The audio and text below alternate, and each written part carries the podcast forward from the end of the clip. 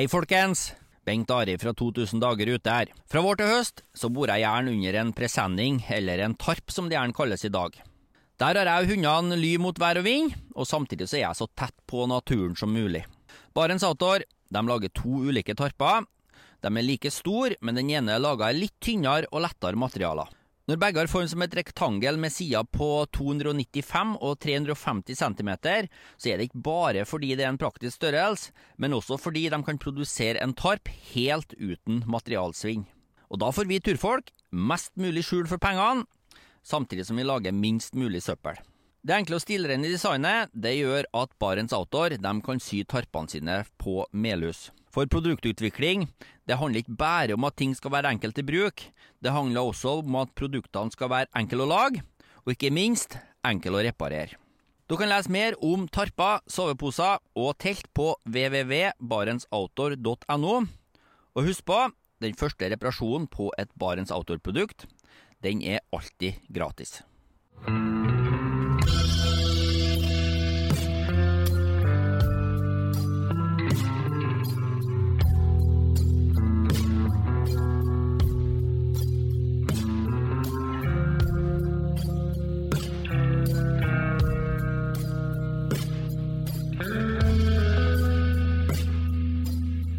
Hei og velkommen til podkasten Uteliv. Mitt navn er Randulf Valle. Den som opplever naturen, blir glad i den og ønsker å ta vare på den. Derfor er det til naturens beste at vi får flest mulig ut på tur.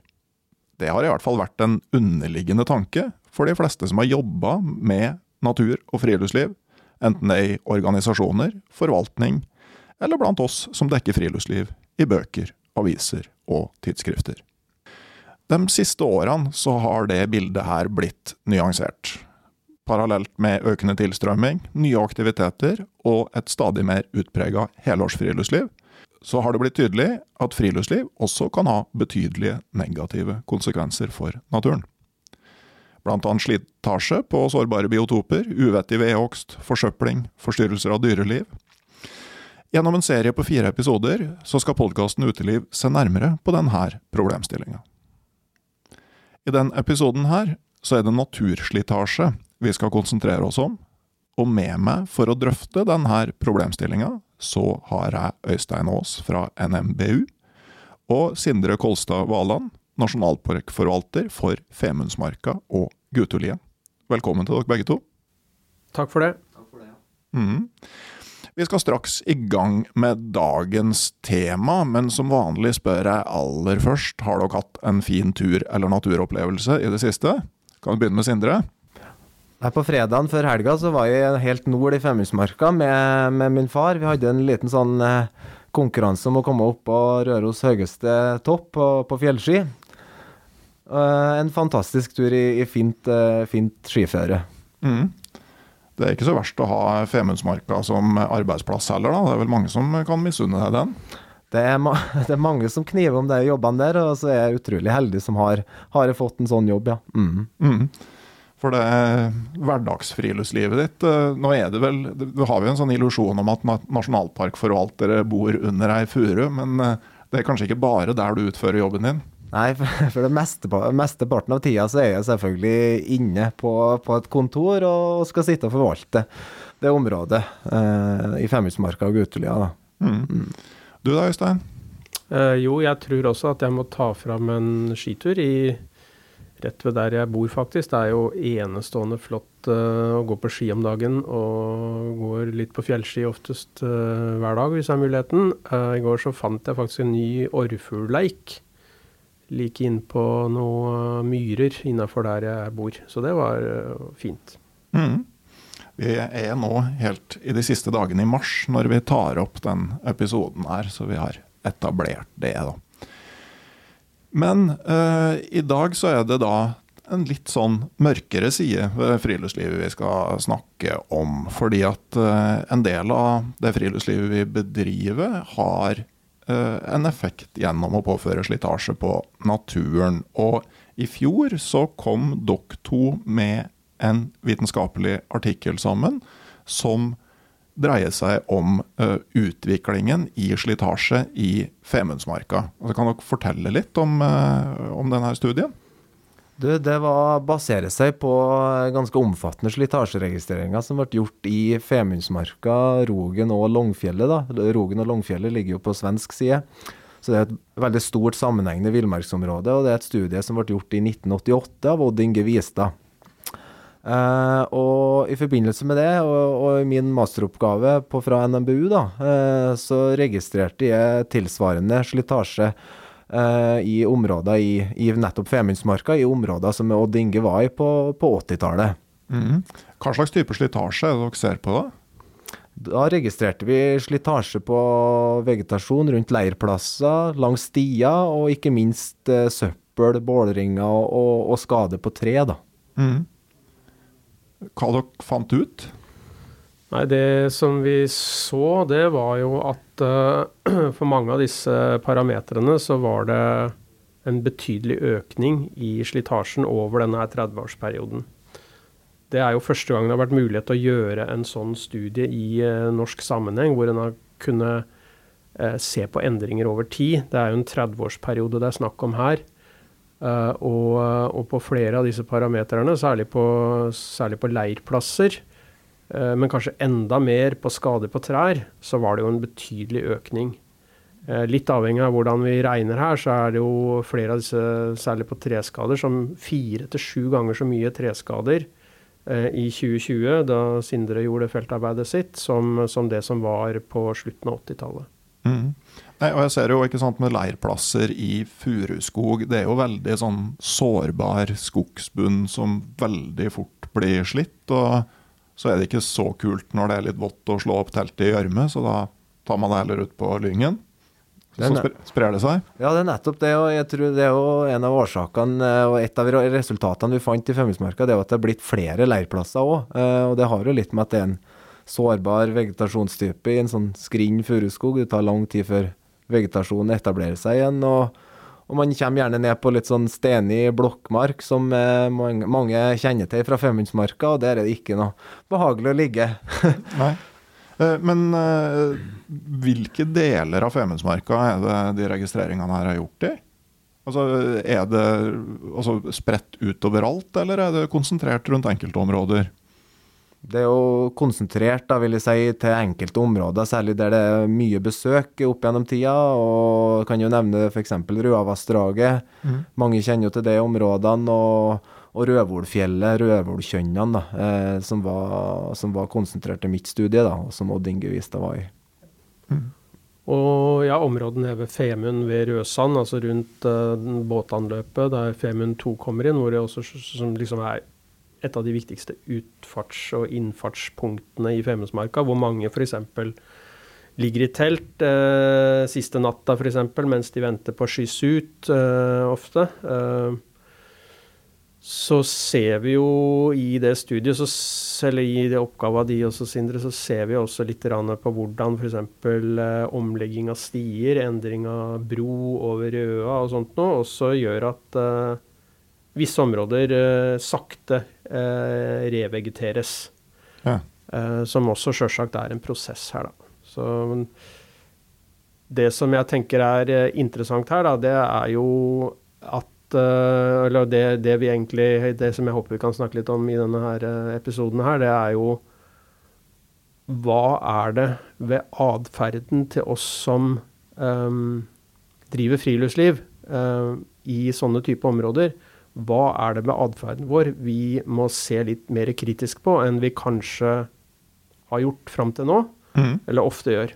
Ja, men vi kan jo begynne med altså, den endringa som har skjedd fra 80-tallet og fram til i dag.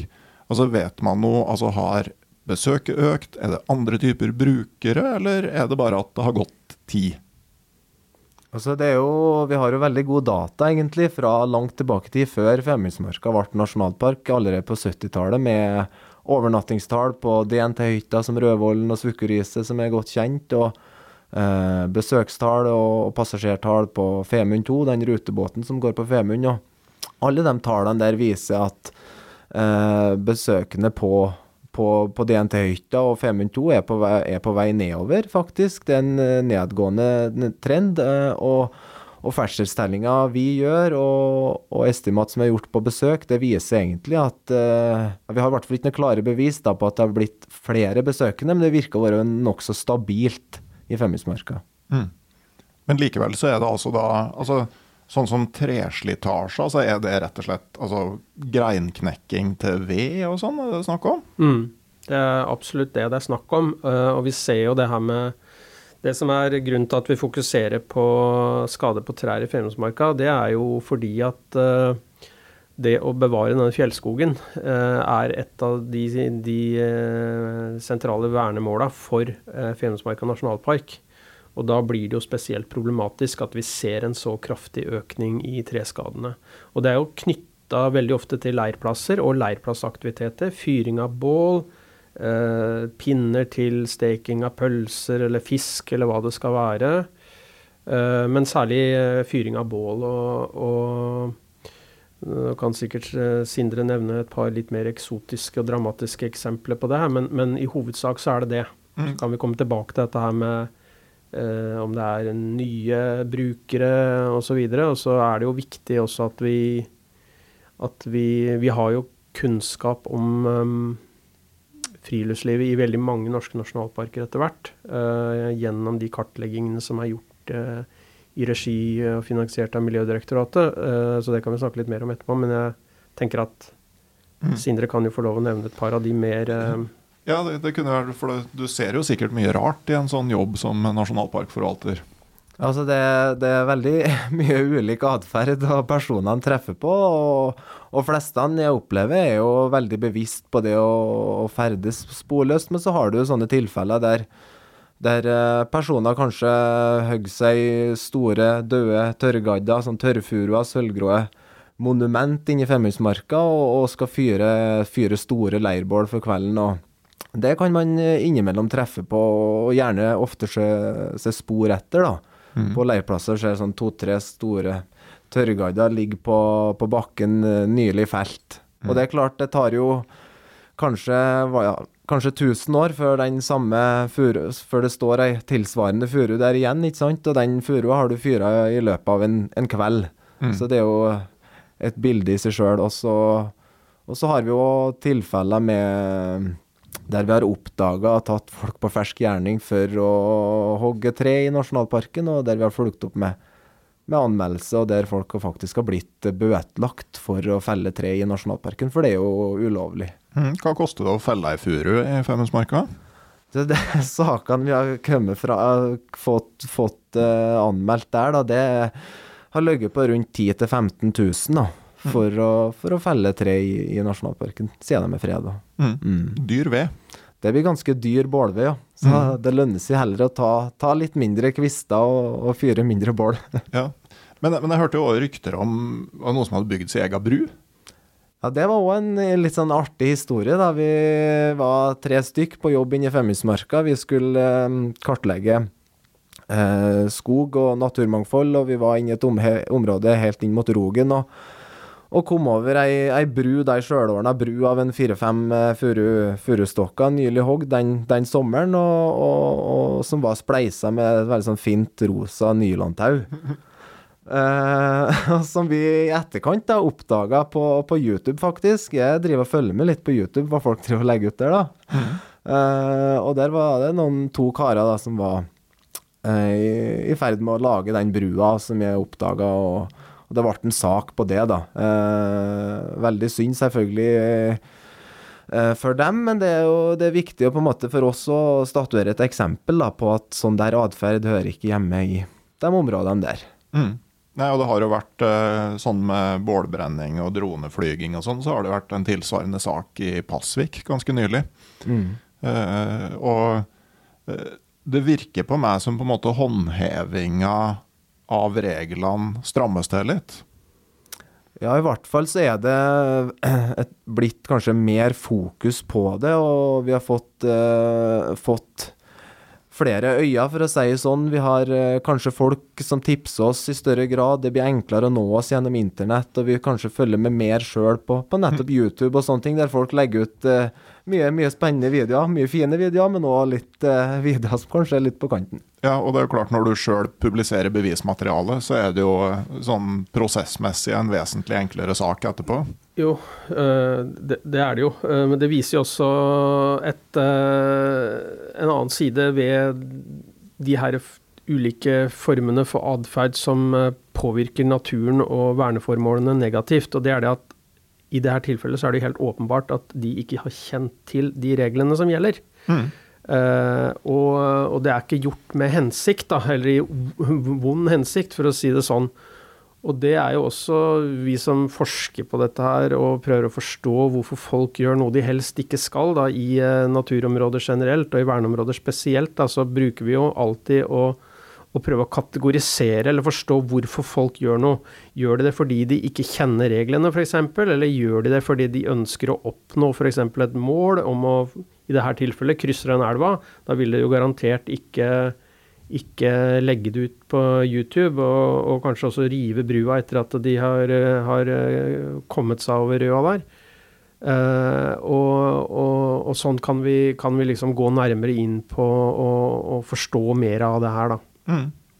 Ja, eh, men eh, dere registrerer altså ikke økt ferdsel i Femundsmarka, men altså har, eh, har atferden til de som ferdes der, endra seg i løpet av de her årene siden Det, det, det, er vel også noe vi kanskje ikke veit så veldig mye om, men det som vi veit om friluftsliv i Femundsmarka, i motsetning til en del andre nasjonalparker i Norge, det er at det her eh, teltfriluftslivet, det her villmarksfriluftslivet, det her friluftslivet som f.eks. du, Randulf, og andre enda mer kjente friluftsprofiler som Lars Monsen er eksponenter for, det, det er det veldig mange som drar til Femundsmarka for å drive med. Det er telt, det er kanskje kano, nå packraft f.eks., som er en teknologi som er, er ganske ny, som gjør at det å ferdes etter vannveien i Femundsmarka har blitt mye, mye lettere enn det det var når folk bare måtte bruke kano.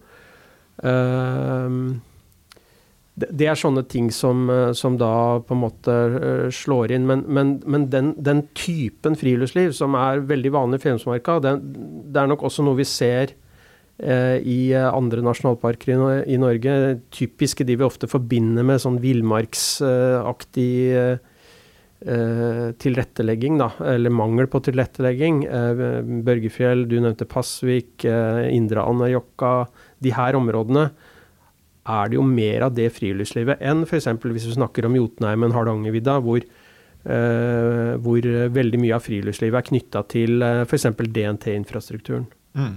Og kanskje har et annet formål òg. Ja. Altså hvis du ferdes i Ja. Jotunheimen, så samler du 2000-metere. Sånn, eh, hvis du tenker Mm. veldig sånn kategorisk og setter ting ja. på, på spissen. Ja, Eh, Men, eh, men hva tenker du er det mest problematiske aspektet ved det her loffende friluftslivet, for å kalle det det? Ja, det er jo Det tenker jeg at det må vi snakke litt om, da. Og nå har vi jo vært inne på det med skade på trær og det med å brenne bål. Mange, Det vi vet fra undersøkelser, er jo det å de her leirbåla og de her sånn lange kveldene og sånt nå, det er en veldig viktig del av folks opplevelse i disse områdene. Eh, Men det er klart at eh, når dette aggregerer seg opp over tid, og sånn som i Femundsmarka, hvor du har en veldig seintvoksende fjellskog, så, så um, så vil dette bli problematisk. Eh, Du vil begynne å se at eh, veldig mange trær er skada, eller veldig mye nedfallsved er brent opp, osv. Og, og da, da er det jo kanskje, mener jeg, eh, nødvendig å se på den bålbrenneatferden som mange har. Mm. Eh, og eh, kanskje det, det vet jeg jo ikke hvor mye Sindre og hans kolleger har diskutert, da, men, men jeg mener jo at i, en, i et område som Femundsmarka, så mener jeg at det, det er høyst relevant å diskutere om det bør innføres et fullstendig bålforbud. Mm. Eh, nå er jo ikke jeg en del av forvaltninga, så jeg kan jo komme med sånne fri, frilynte forslag. Men, men, men et alternativ, da, bare for å, bare for å komme med et uh, forslag til folk som har, uh, nå driver og planlegger å dra i Femundsmarka, det er jo f.eks. kvistbrenner. Mm.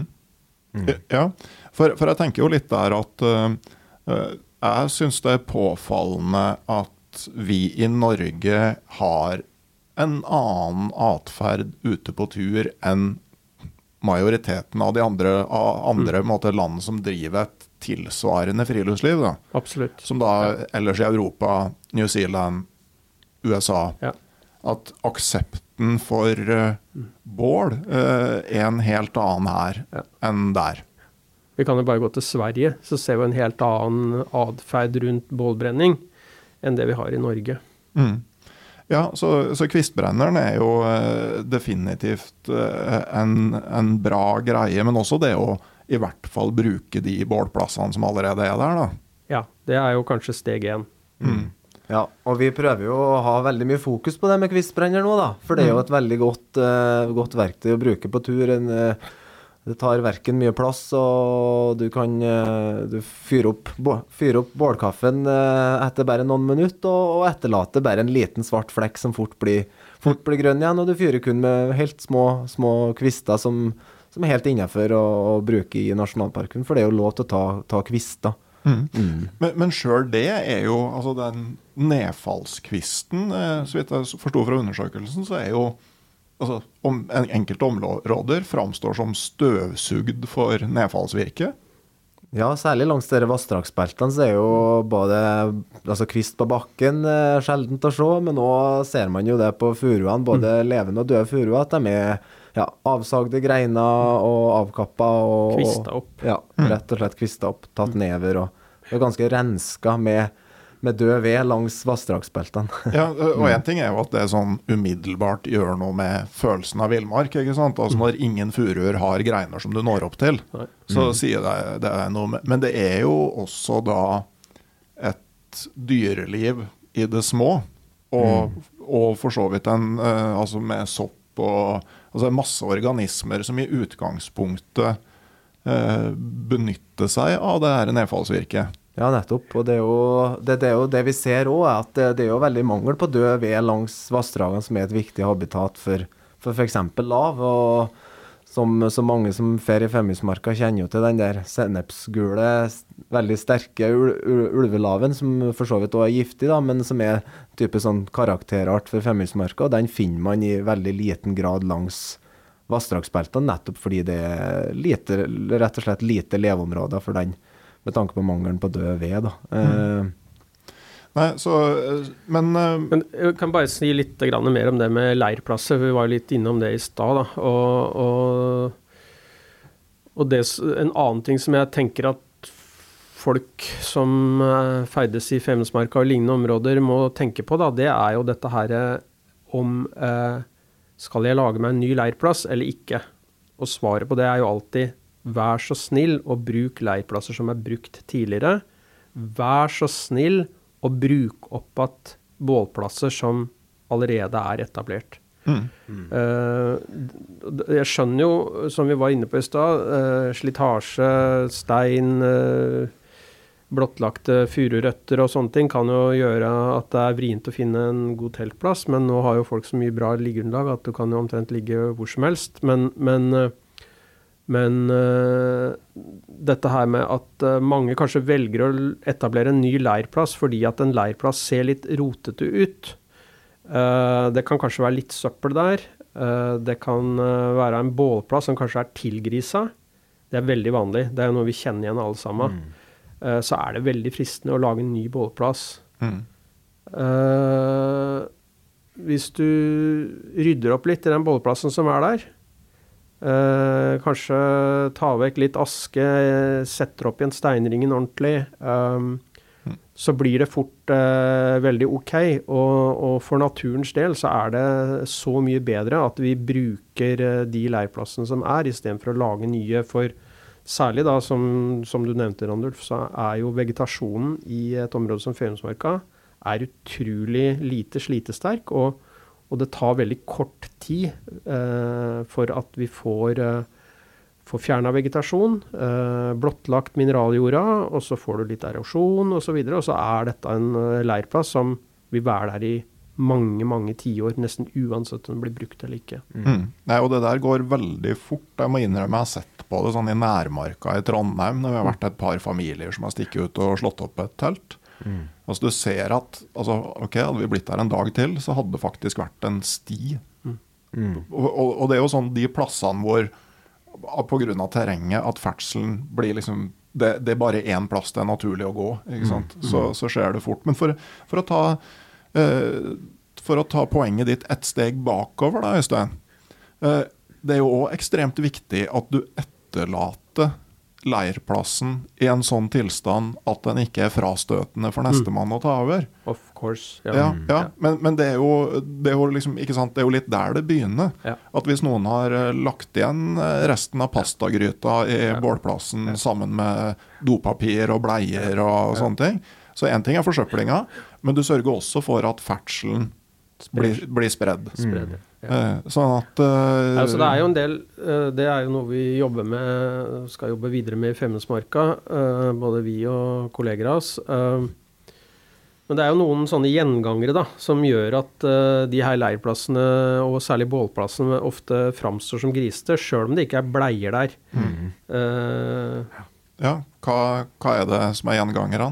Altså Det som er, vi finner veldig mye av, det er type aluminiumsfolie f.eks. Og det er ikke hvilken som helst aluminiumsfolie. Det er rett og slett fra type real turmat eller andre sånn enga, altså sånn for, type hurtigmat, da, rett og slett, som står igjen i, i bålet fordi det ikke har brent opp. Så det er faktisk folie i real turmaten. Mm. Plasten brenner, men ikke folien. Ja. Mm. Og så ofte ølbokser er det nå noen som prøver å, å brenne, men det brenner utrolig nok ikke. Hmm. Nei, altså da, da skal du i hvert fall fyre et bål som er så stort at du ikke skal fyre det i Ja. Femundsmarka. Ja. Ja. Både når det gjelder ølbokser og makrell i tomat. Ja. Så krever det Altså, jeg tenker vi kan slå fast det at hvis du fyrer et bål som er stort nok, stort nok til at du får bort aluminiumsemballasje, Ja. så har du fyrt et for stort bål. Der kom metallurgen på banen. Ja. Mm. Nei, så ikke Det er liksom klarer du å tenke Det er en sånn ta god tanke at det du bærer med deg inn, da, det skal du også klare å bære med ut igjen. For da er sekken som regel lettere, da, hvis ikke du har fått mye fisk, da. Mm. Ja, og du skal vel heller kanskje ikke i et lite område som Femundsmarka basere deg på fiske nok til å fylle fryseren når du kommer hjem. Nei, det er ikke sikkert det heller. Jeg tør ikke ha tatt den sjansen. Men jeg tenker på det, altså Vi har jo vi har ikke snakka så veldig mye om forsøpling, men forsøpling er jo, er jo et problem i veldig mange naturområder, og det er også det i Femundsmarka. Og øh, vi, snakka litt i stad om øh, liksom, har bruken av Femundsmarka forandra seg eller ikke. De her problemene har vi egentlig veldig god kjennskap til at det har vært i Femundsmarka i veldig lang tid. Og Odd Inge Vistad, som, som begynte å gjøre disse registreringene i Femundsmarka, når han drev med doktorgraden sin, så husker jeg vi snakka mye om at øh, allerede på 70-tallet så var det jo organisert søppelrydding i Femundsmarka. Mm. Bl.a. i regi av Kriminalomsorg i frihet. Ok. Uh, så dette her er jo eh, Og da var det også kanskje eh, mer akseptabelt også å legge igjen hjemme søppel. Mm. Veldig mye av det de drev med da, handla om å bikke på steiner og plukke opp til dels eh, betydelige mengder med, med søppel. Så, så dette her med og, og, og det er kanskje ikke så vanlig lenger i Femundsmarka. Det er mer den herre er Litt sånn slendrianaktig eh, eh, etterlatenskaper av lite grann som Ja, som, som gjør at nestemann ikke tar ansvar. nettopp For det, det, det, skal, liksom, det skal ikke mer til enn et Nei. Kvikk Lunsj-papir Nei. før eh, nestemann tenker at Altså det der å, å stappe søpla di i bålet Mm. før du drar, når det ikke er noe bål der. Ja. Eh, det, det, og, og, det, og det er jo men, men jeg har inntrykk av at folk er litt mer obs på det der enn enn før, altså. Ja, altså, altså Inntrykket vårt fra Femundsmarka er kanskje at det var mer mengder før, da. Det var sånn som Øystein sier her, at det var folk gjemte kanskje søpla vi hadde konsumert i, i kanskje en bergsprekk eller, eh, eller under en stor sten. Og det inne, innimellom så finner vi jo det og, og frakter ut det. Og, og så var det kanskje mer av en sånn type Folk hadde med seg presenninger, store lavvoer, sånt som ble lagt igjen, rett og slett. Vi har funnet eh, gamle kanoer som folk bare har lagt igjen, telt som har stått igjen og, og bare lagt igjen. Og det er det mye mindre av nå når man har f.eks. lette tarpa, fjelldu, altså fjellduker sånn type ting. da. Mm. Mm. Sånn at, uh, altså, vi, vi, er jo på en måte kanskje litt i ei sånn brytningstid, da. Med, ja, ja.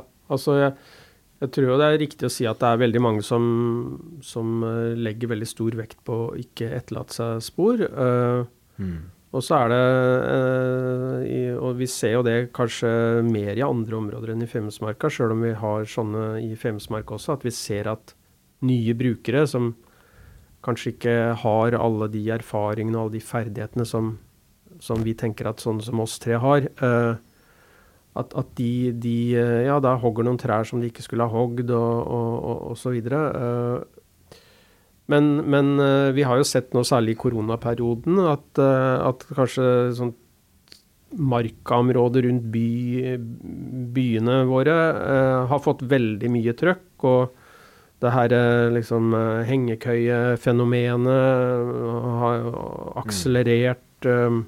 Jeg tenker på treslitasje? da? Treslitasje, ja. Både nedkapping av trær og lage festepunkter til hengekøyer osv. er jo et, et, velkjent fenomen som vi kan se veldig mange steder, og som jeg veit veldig mange lokal, i lokalforvaltninga har slitt med.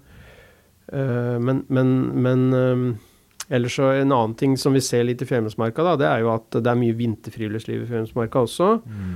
Mm. Og uh, en form for forsøpling som vi ikke har snakka om enda, det er jo uh, den forsøplinga som kommer fra oss som mennesker uh, av naturlige årsaker. Mm. Og um, hvis du f.eks. er på vintertur, da, så er det lett å grave ned på måter som holder akkurat til 17. mai omtrent. Mm. Um, det, det, hjelper jo veldig mye bare om du brenner dopapiret på vinterstid. Ja, mm. det, det, hjelper ofte veldig mye bare det. Mm, for det, det, er jo da, hvor motbydelig det enn er, en del eh, skapninger i naturen som gjerne livnærer seg av det du har lagt igjen. Absolutt. Mm. Ja. Mm. Men et område som, eh, som en ser en del sånn typisk sånn vinterforsøpling etter, da, det er jo Rødvoltjønna, som er et uh, populært isfiskeområde. Mm. Der kan du jo, uh, hvis du går der på forsommeren, da, så vil du jo ofte da se typisk etterlatenskaper etter folk som har vært der på vinteren. Mm. Ja. ja. og det er, jo, det er, jo, litt den der ute av syne, ute av sinn-holdningen. At hvis du har nettopp. lagt det under snøen, så, ja, så, er du ferdig med det. Men, ja. men du er ikke det. Nei. det men uh, jeg tenker jo det der nye, litt sånn uerfarne brukerne. Altså På den ene side så så kan de hogge ei fersk furu i et naturreservat for å bruke det til ved. Og det blir liksom feil på alle punkt. For, for det første så hogger du ikke ferske trær, og du hogger dem ikke naturreservat. Uh, men i tillegg så klarer du ikke å brenne ei fersk furu. Uh, sånn at, eh, men jeg ser for meg at dem er jo mye enklere å få til å endre atferd enn den mann 50 pluss som har vært i Femundsmarka i 30 år og vært på tur på sin måte og vil fortsette å leke Mikkjel Fønhus eller Storehans? Ja, det er vel mye forskning som også støtter deg i akkurat det. At, eh, at eh, de her eh, uerfarne og nye brukerne de er også de som er klart mest mottagelige for informasjon fra f.eks. nasjonalparkforvaltning, fra informasjonssenter osv. som vi har har en del av rundt uh, de mest verdifulle naturområdene våre. Mm. Men eh, dere nevnte at sånn tilsvarende undersøkelse fra Jotunheimen, som da viser et annet ferdselsmønster. Eh, altså, hva er det man vet om det? Jo, som sagt er det jo gjort eh, på oppdrag fra Miljødirektoratet, og i forbindelse med dette her arbeidet de har med sånne såkalte besøksstrategier, så er det jo gjort veldig mange brukerundersøkelser i så å si de all, eller i hvert fall de aller fleste uh, nasjonalparkene i Norge. Og de viser at det er veldig stor variasjon i uh, brukersammensetningen i nasjonalparkene. Og det er forskjeller i f.eks. For miks mellom lokale, tilreisende norske og utenlandske besøkende, som sjølsagt har veldig store implikasjoner for f.eks. bare hvilke språk du må, må lage informasjon på. Eh, du har selvsagt veldig stor eh, variasjon i hva slags aktiviteter som foregår. Eh, og du har eh, store variasjoner f.eks. også i hvilke syn og ønsker de besøkende har omkring forvaltning. Mm. I noen nasjonalparker så er det mange besøkende som ønsker mye tilrettelegging. I andre nasjonalparker så ønsker de besøkende mye mindre tilrettelegging, f.eks. Så det Mm. her veit vi ganske mye om, egentlig. Mm.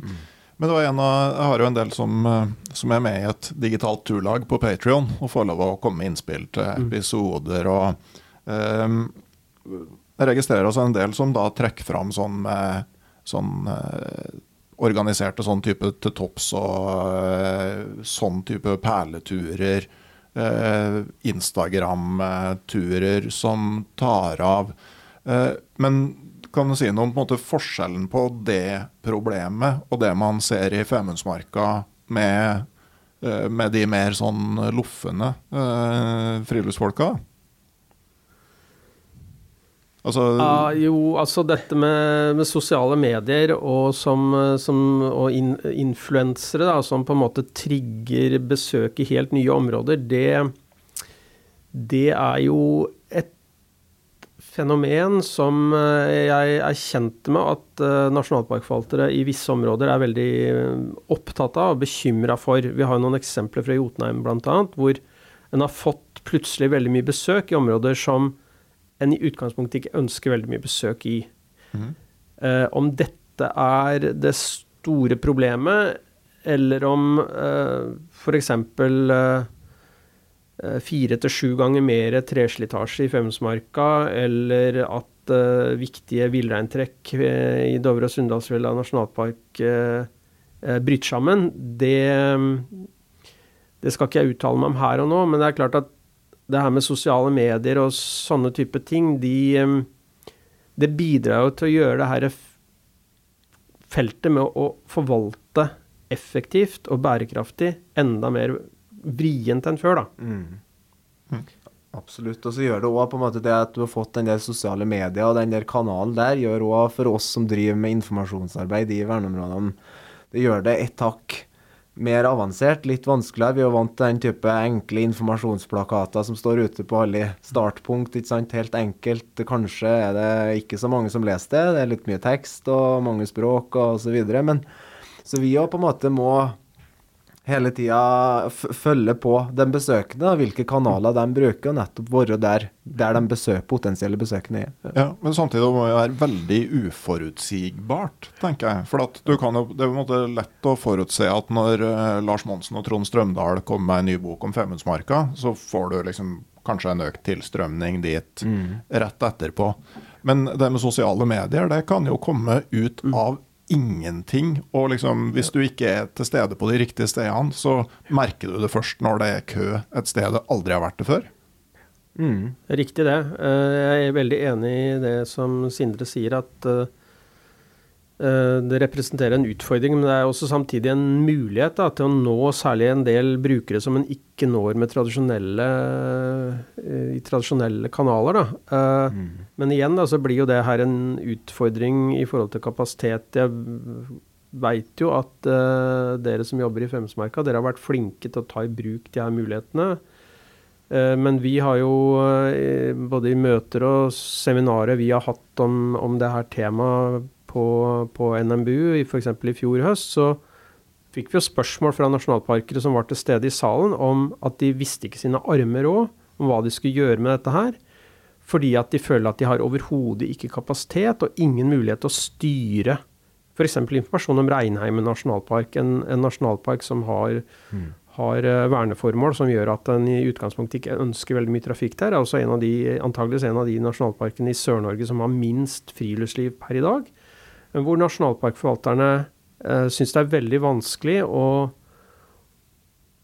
å finne en måte å løse utfordringene med sosiale medier.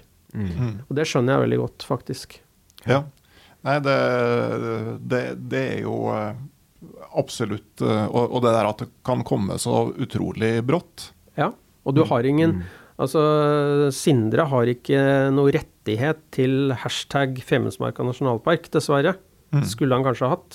Mm. Uh, men det er jo en hashtag som alle kan bruke, og som, uh, uh, altså Det beste eksempelet på den krafta som ligger i den type kommunikasjon, det er jo Trolltunga-eksempelet. Mm. Eh, hvor en fikk en eksplosjon i bruk som stort sett var drevet av, av, av poster på sosiale medier eh, internasjonalt. Mm. Eh, Men eh, også kan man jo si altså da får du en veldig sånn konkret og for så vidt begrensa Altså én ting er at du får logistikkproblemer. mm. eh, Og du får problemer med redning og, og den biten Ja. der. Men sånn naturslitasjemessig så får du en veldig sånn konkret og lokalisert ferdsel til ett sted. da. Jo, jo. Som blir annerledes enn Femundsmarka, hvor du Ja. har en generell atferd som eh, er problematisk for et helt område. Mm. Uh, og jeg registrerer litt at friluftsfolk og vi er jo som alle andre, at vi liksom peker litt på dem som er annerledes enn oss sjøl. Oh, ja. At er du litt sånn loffende bålfyrer, så peker du på sherpatrapper og eh, trolltunger og sosiale medier og organiserte turmål og sånne ting. Eh, Men det er veldig mye sosiale medier om akkurat den loffe friluftslivet i Femundsmarka. Det er stort sett Ja. det som dominerer. Ja. Ja, sånn at eh, Og ikke sant, det at det er jo områder hvor det kan være greit å fyre et litt ordentlig bål og, og leve sånn type friluftsliv. Altså Plasser hvor du kanskje til og med kan fyre på hogstavfall og, og, og sånn. Men, men problemet er jo det at eh, du trigger folks lyst til å gjøre det samme et annet sted. Ja. Og altså, jeg, jeg, jeg står jo på en måte midt i det her. Nettopp kommet ut med en bok som heter 'Norges beste villmarksturer'. Og har jo bl.a. sittet og prata med forvaltere i både Reinheimen og, og Dovrefjell. Og egentlig for første gang Altså, Dovrefjell-kapitlet ble fullstendig omskrevet Mm. etter den samtalen. For det eh, Fordi vi forsto at egentlig for begge de områdene her, så handler det mye om sånn rettledning på Altså bevisstgjøring. Eh, at eh, det er noen ting som du kan gjøre med relativt god samvittighet. Mm.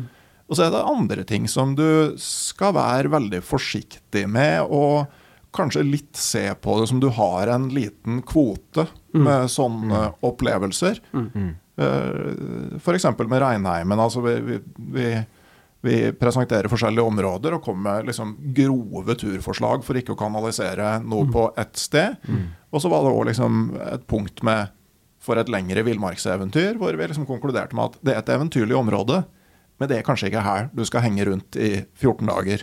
Fordi at eh, det er et relativt lite område, og forstyrrelsene på rein vil antagelig bli såpass store at, eh, at det ikke er rettferdig å gjøre det. Sånn at eh, det, det, det Jeg tror det For min del så er det liksom et sånn slags litt sånn paradigmeskift akkurat nå. At du må, du må i mye større grad begynne å tenke de tankene der. Mm. Og så er det jo òg et sånt stort paradoks eller motsetning. Si, Det er veldig stor forskjell på innenfor og utenfor verneområdene for hva som gjelder. Og når det kommer til bålbrenning og vedsanking f.eks., så er det jo utenfor verneområder helt greit å ta død ved eh, etter friluftsloven, men, men ikke, ikke levende, levende trær. Mens i, i Femundsmarka, som er en nasjonalpark, så er det jo egentlig helt motsatt. Det er jo Utgangspunktet er jo alt alle tre freda, men det er jo mye, jeg håper si, mye bedre om du tar en ung, liten furu enn om du tar en, en sølvgrå tørrfuru som har stått der i tusen år. Så det er noen motsetninger. Jeg har litt utfordringer med, med akkurat det. da, å Få folk til å skjønne den forskjellen. Ja. Eh, Hvis du vil brenne, brenne bål, så bør du jo gå opp i en eller annen eh, skau hvor det er en diger hogstflate, og så finne deg vestvendt eh, hogstflatekant hvor det er masse, masse ved, antageligvis. Både fra vindfall og kanskje noe, noe uttørka kant, kantgran. Og så kan du brenne bål der og kanskje ha en fin utsikt. eh, eh, passe på at det ikke blir skogbrann, sjølsagt. Um, Mm. Men like fullt så altså, Nok en gang den boka som Marius Nergård Pettersen nettopp har gjort ferdig, altså, gikk vi jo gjennom og fjerna en del altså, bålbilder som på en måte isolert sett for det stedet er grei atferd. Eh, det valgte vi å ta bort fordi at eh, vi ikke vil på en måte oppfordre til å fyre den type bål, fordi det andre plasser vil være veldig negativt. Ja. Mm. Ja.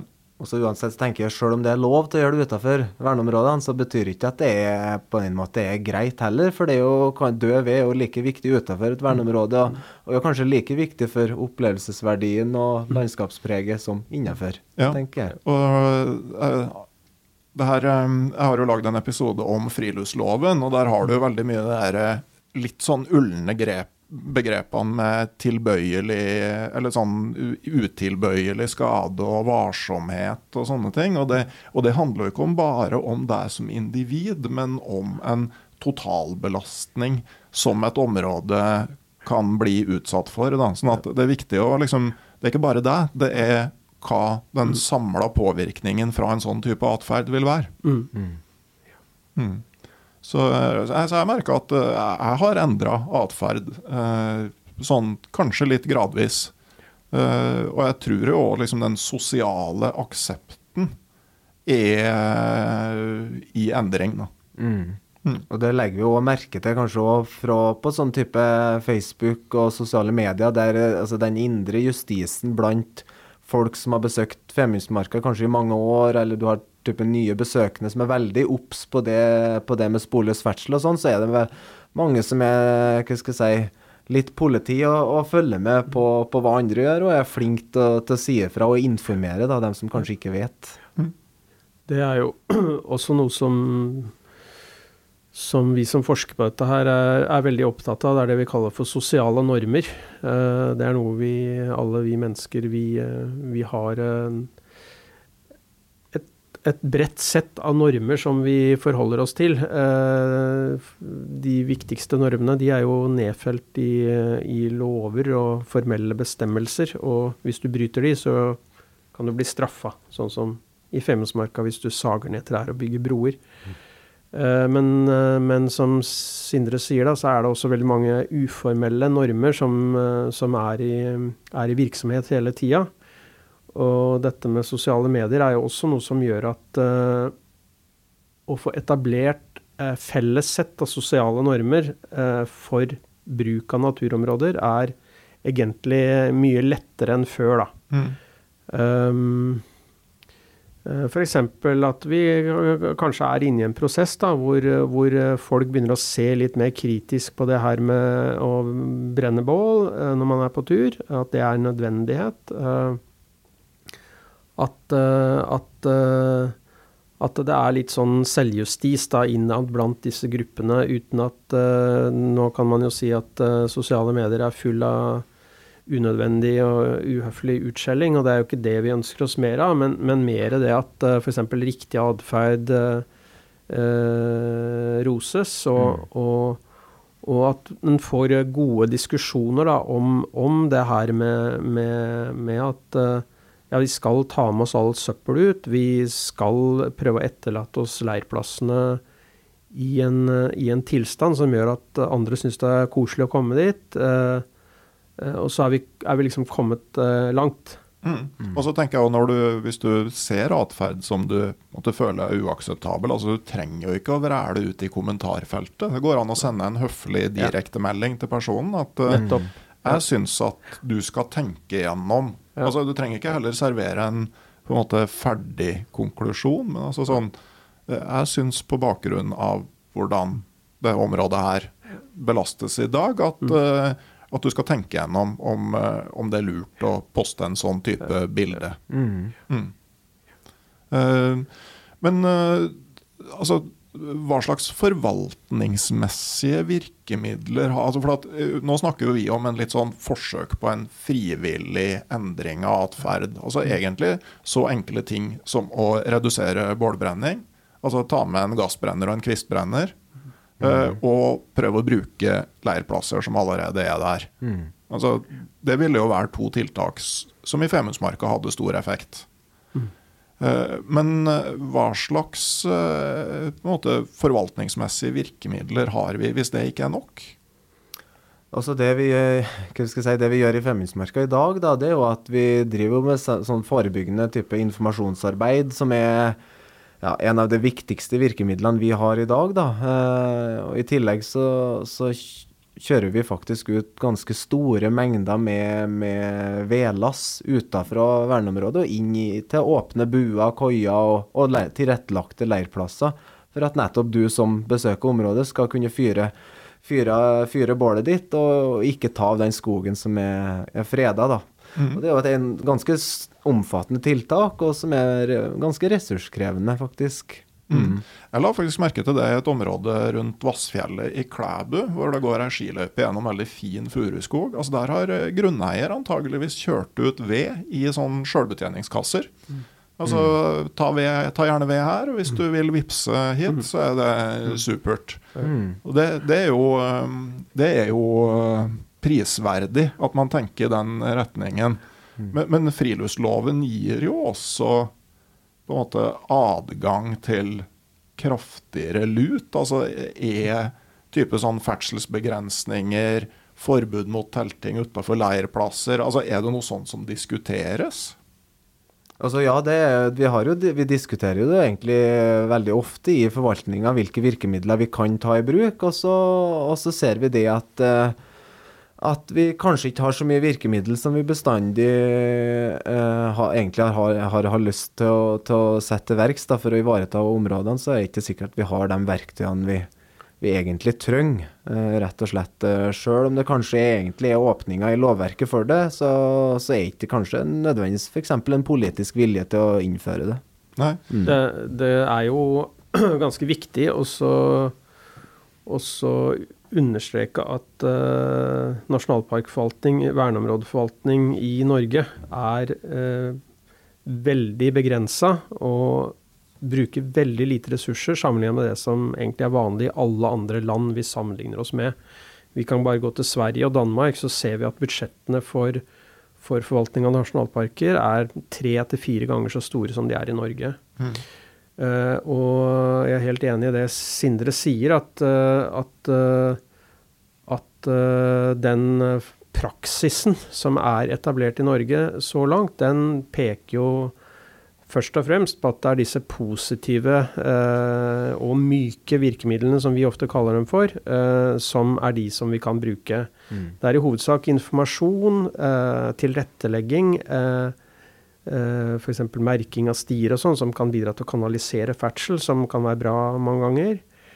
Uh, og så har vi jo også en praksis med at det brukes en del fysiske tiltak, uh, f.eks. klopping, uh, som jo er viktig for å, for å redusere slitasje, i, særlig i fuktige områder. Mm. Mm. men også så er det sånn at vi har egentlig en verktøykasse som som åpner for uh, bruk av strengere virkemidler, som er helt vanlig å bruke i uh, veldig mange andre land, men som vi så langt ikke har valgt å bruke i Norge. Og det har uh, ikke vært noe særlig politisk vilje til det. Også friluftsorganisasjonene har jo også vært, fram til nå nylig, vil jeg si, vært veldig kritiske til til f.eks. Å diskutere ferdselsbegrensninger over hodet, mm. og til å diskutere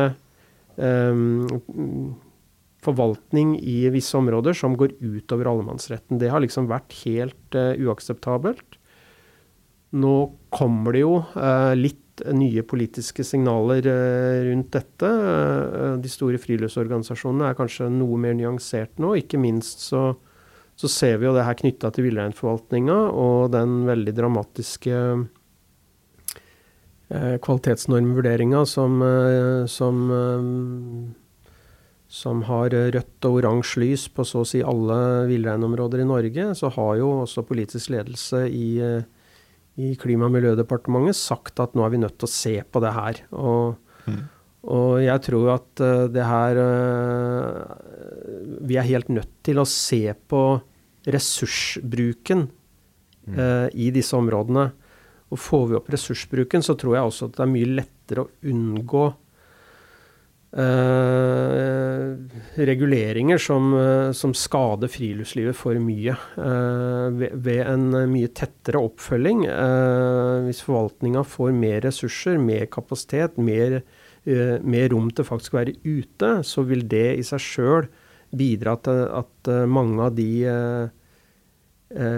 mest uheldige eh, atferdene, aktivitetene, vil, vil, eh, vil bli mye mindre. Mm. Mm, absolutt. Ja. ja, for det er jo ganske lang vei fra altså Jeg husker jo fra New Zealand, eh, så hadde du noe som heter Great Walks, som var liksom de mest kjente fotorutene. hvor du måtte bestille plass Mm. på gitte datoer. Mm. Helt vanlig. Og, og Mm, på ja. gitte campsites, som var de eneste plassene hvor du hadde lov til å sette opp telt. Og det er klart, det fører jo til to ting. altså Det ene er at du begrenser ferdselen. Og det andre er jo at du genererer inntekter som forvaltninga tar i bruk. Altså Når du betaler en hundrings for å få gå den eh, stien, og 10 000 mann gjør det, så har du en million. da. Mm. Mm. Det kommer jo et, eh, et eh, Det er jo bare noen få dager til, faktisk. Det må jo vi sørge for å få med oss alle sammen. Jeg lurer på om det er i morgen. Mm. I morgen så slippes en, eh, en NOU eh, som heter Reisemålsutvalget. Ledes av tidligere leder i Venstre, Trine Skei Grande. Eh, den rapporten kommer til å eh, forhåpentligvis komme i alle fall noen synspunkter omkring dette her med fellesgodefinansiering. Eh, antageligvis eh, så kommer det ikke med så mange innspill til, direkte til nasjonalparkforvaltning, men, men det utvalget er, eh, er bedt om å se på hele virkemiddelapparatet rundt det som kalles for fellesgodefinansiering. Og det blir interessant. Mm. Men ellers er jeg helt enig med deg, Randulf, at uh, veldig mange andre land de har veldig sterke og helt andre rammer rundt uh, å regulere og styre friluftsliv i sårbare områder. Eh, og det som er viktig, det er jo at eh, mange av disse bestemmelsene er også laget for å sikre at folk får de villmarksopplevelsene de faktisk er ute etter. Mm. Ja, at, eh, for, for det er jo liksom altså Jeg kjenner jo det rykker i meg, og jeg er ikke enig med meg sjøl om hva jeg mener om det her. Nei. Men det kan jo hende at ikke sant, i et trafikkert område at det er bedre å bare få dra dit en gang iblant, men faktisk ha følelsen av å være litt for deg sjøl. Eller vite at du faktisk er for deg sjøl. Ja. Uh, hvis du ser på det som kalles for, uh, for I Amerika eller no, i USA og Canada så har de jo en vernekategori som heter eh, Wilderness Areas, som er den strengeste eh, verneformen der, iallfall for større naturområder. Som, har en, som, har en, som er betydelig strengere eh, enn en norske nasjonalparker. Eh, og der er det jo kvotering, og, eh, på samme måte som du nevnte fra New Zealand. Og, og, og du får beskjed om hvilke leirplasser du skal bruke. Og da vet du at det ikke er noen andre på de leirplassene når du kommer dit. For de andre som er i området, de har fått beskjed om hvilke leirplasser de skal bruke som ikke interagerer med din bruk. Så der sikrer man stillhet, der sikrer man ensomhet eh, gjennom å sørge for at de besøkende som er i området samtidig faktisk ikke støter på hverandre. Så så detaljert kan man regulere. Nå er kanskje ikke det i tråd med de, den tradisjonen vi har her, men, men, men jeg er helt sikker på at det er ganske mange som også har fått ødelagt villmarksopplevelsene sine i Femundsmarka pga. at eh, det har vært eh, mange flere der enn det de trodde. Eh, At eh, det har møtt på andre som kanskje har hatt en annen atferd som ikke passa så godt med den atferden deres. Kanskje de bråka veldig mye, f.eks. Det er påfallende hvordan folk som har med seg Bluetooth-høyttalere på tur, alltid har helt forferdelig musikksmak. Ja, ja. Nei, men her er det, her er det jeg, Du sa litt tidligere i samtalen vår her at eh, du føler at vi er litt sånn med et sånt eh, et sånt punkt hvor, vi, eh, hvor, hvor det er en del endringer på gang. Og jeg håper og tror kanskje at når det gjelder forvaltning av det, altså myndighetenes forvaltning av disse områdene, at vi, at vi også der er vel litt sånn et, eh, et veikryss hvor vi velger en vei hvor vi, hvor vi faktisk ser at vi må prioritere disse områdene høyere. Eh, og det går jo an å begynne å snakke om eh, ny naturavtale fra Montreal osv., som også liksom peker i den samme retningen. Vi ser at verneområdene er så ekstremt viktig for at vi skal ta vare på naturmangfoldet. Og vi kan ikke eh, drive med den spareblussforvaltninga som vi egentlig har lagt oss til i Norge. Da. Mm. Du Sindre, hvis du kunne fått deg en stilling eller to til uh, ute i felt, hva ville du brukt den til?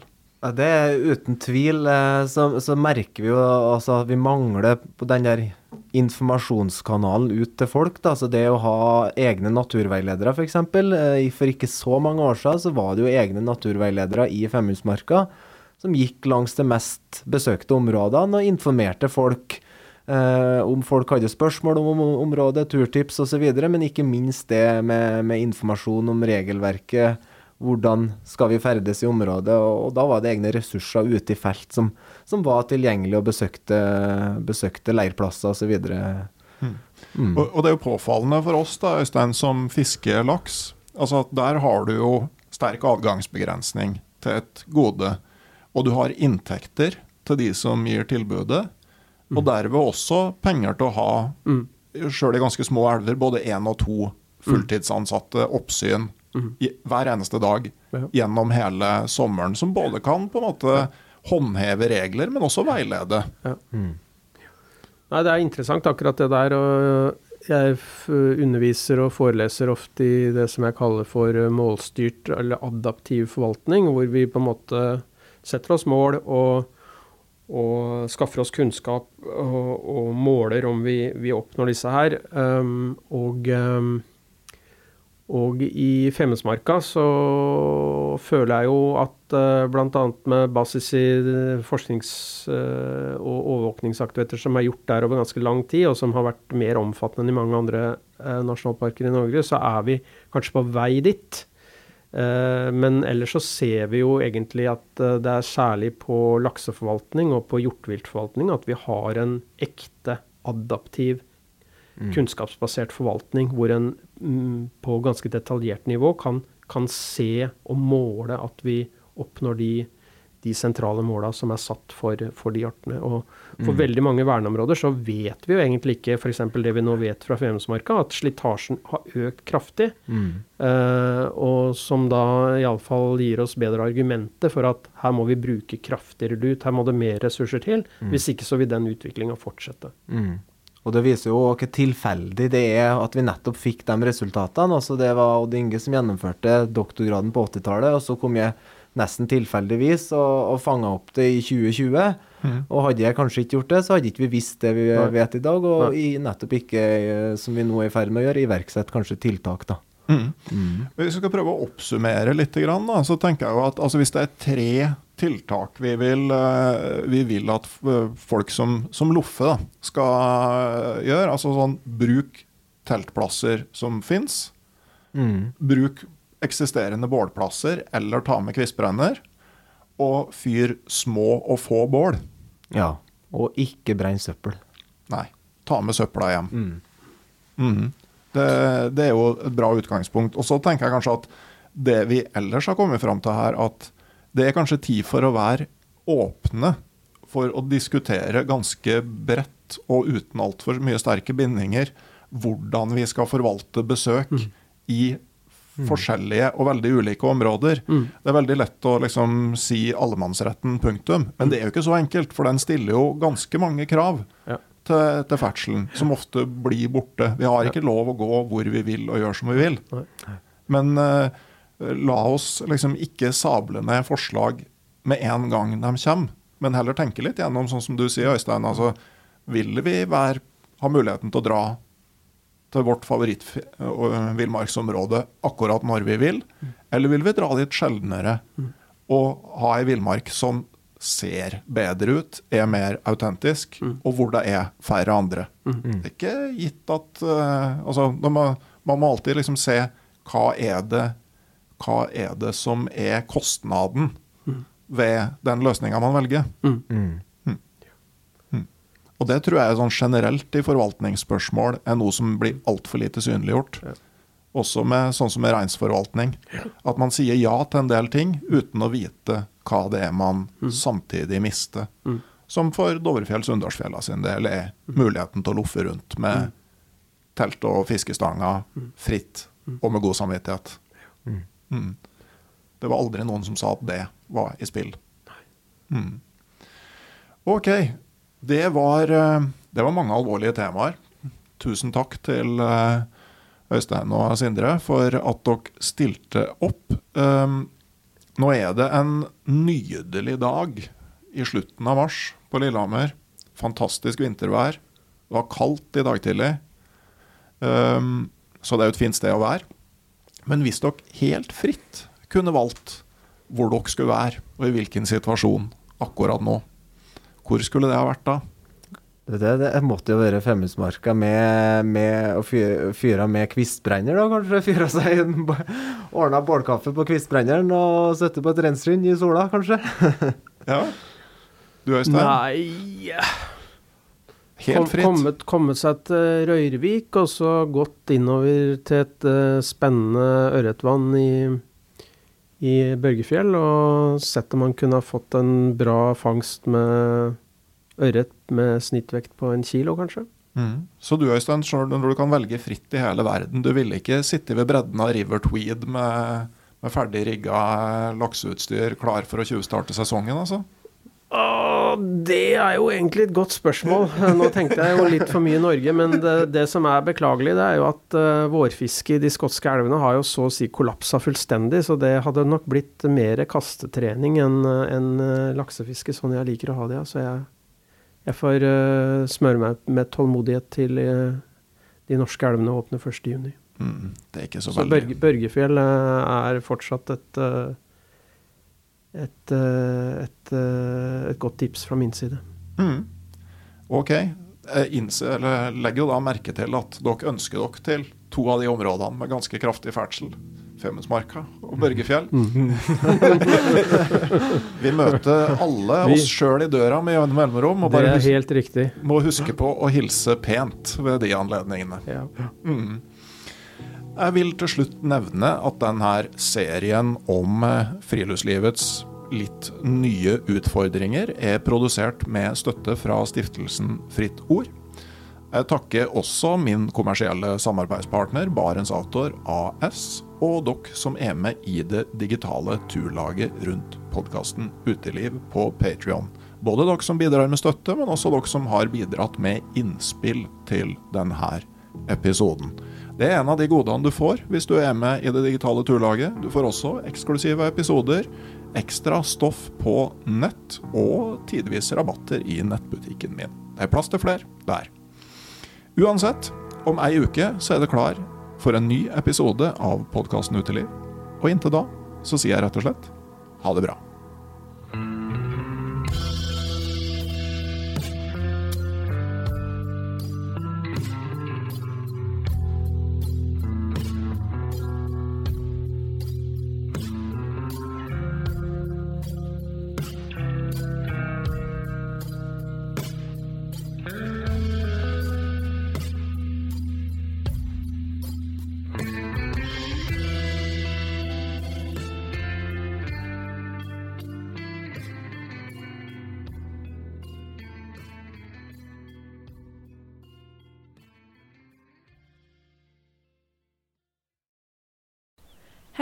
Jeg heter Nore Helligsen og er daglig leder i Barents Outdoor. Det beste vi kan gjøre for planeten, er å redusere forbruket vårt og få mer ut av det utstyret vi allerede har. Men vi vet av erfaring at bruken av telt kan endre seg over tid. Det teltet du kjøpte for to år siden, passer kanskje ikke det behovet du har i dag. Derfor har vi i Barents etablert en egen panteordning der vi tar imot brukte telt av god kvalitet i innbytte når du kjøper et nytt av oss. Prosessen er enkel. På barentsoutdoor.no gir du oss informasjon om teltet du vil bytte inn. Basert på det får du et tilbud fra oss som gir deg rabatt på ditt neste Barentsprodukt. Mer info og betingelser finner du på barentsoutdoor.no. Og husk at den første reparasjonen på produkter fra Barents er alltid gratis.